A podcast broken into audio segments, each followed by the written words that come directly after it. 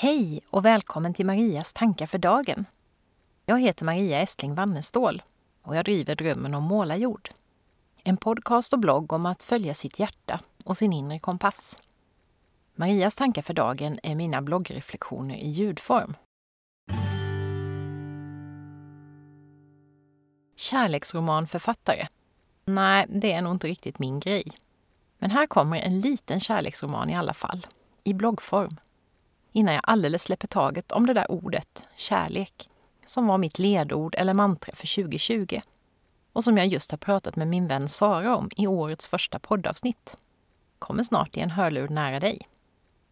Vad kärleksmantrat har betytt för mig under det här året kan du höra om i podden ifall du är intresserad.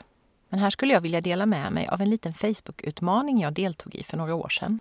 Love My Partner hette den och gick ut på att under sju dagar lägga upp en bild och berätta om kärleken till den människa man lever tillsammans med.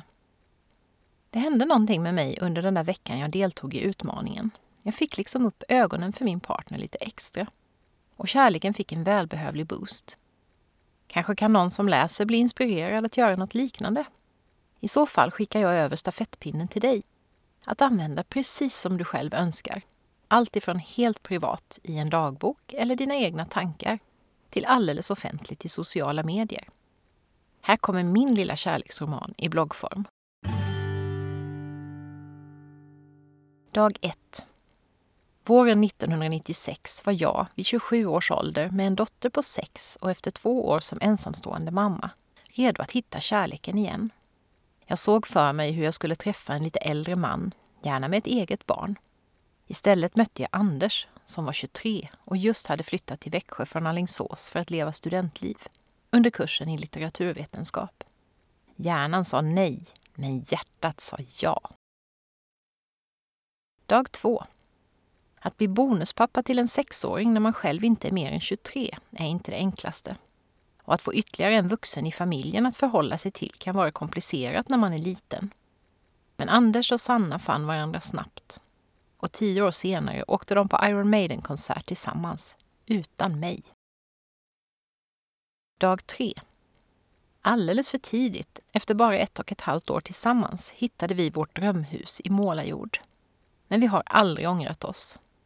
Många, många timmar har han lagt på att renovera, reparera, bygga badrum, glasrum, altan, vedbord och hönshus. Den där gymnasieläraren i engelska och svenska som visade sig vara en fena på så mycket mer än det teoretiska. Tack älskade för allt jobb du har gjort för att vi ska få ha det fint och mysigt här hemma.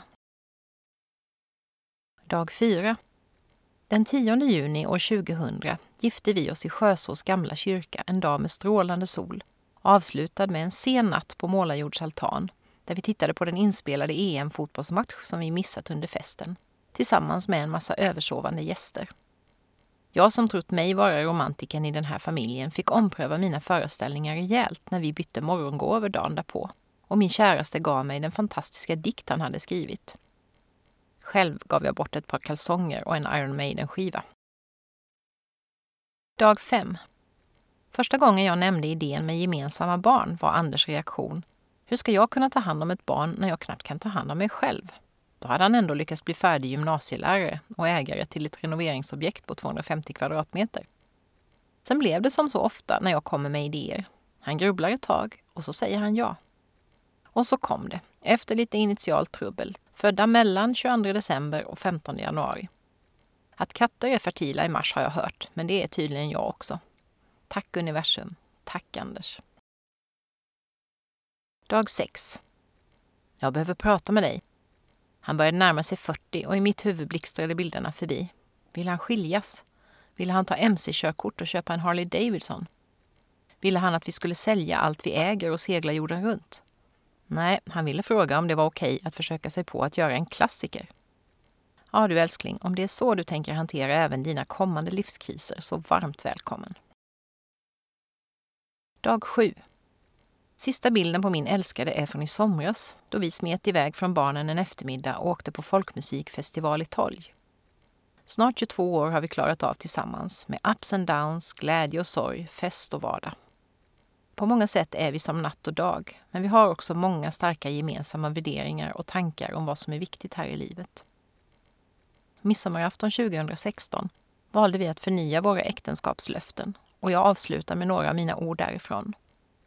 Med dig vill jag bli gammal och lite halvblind.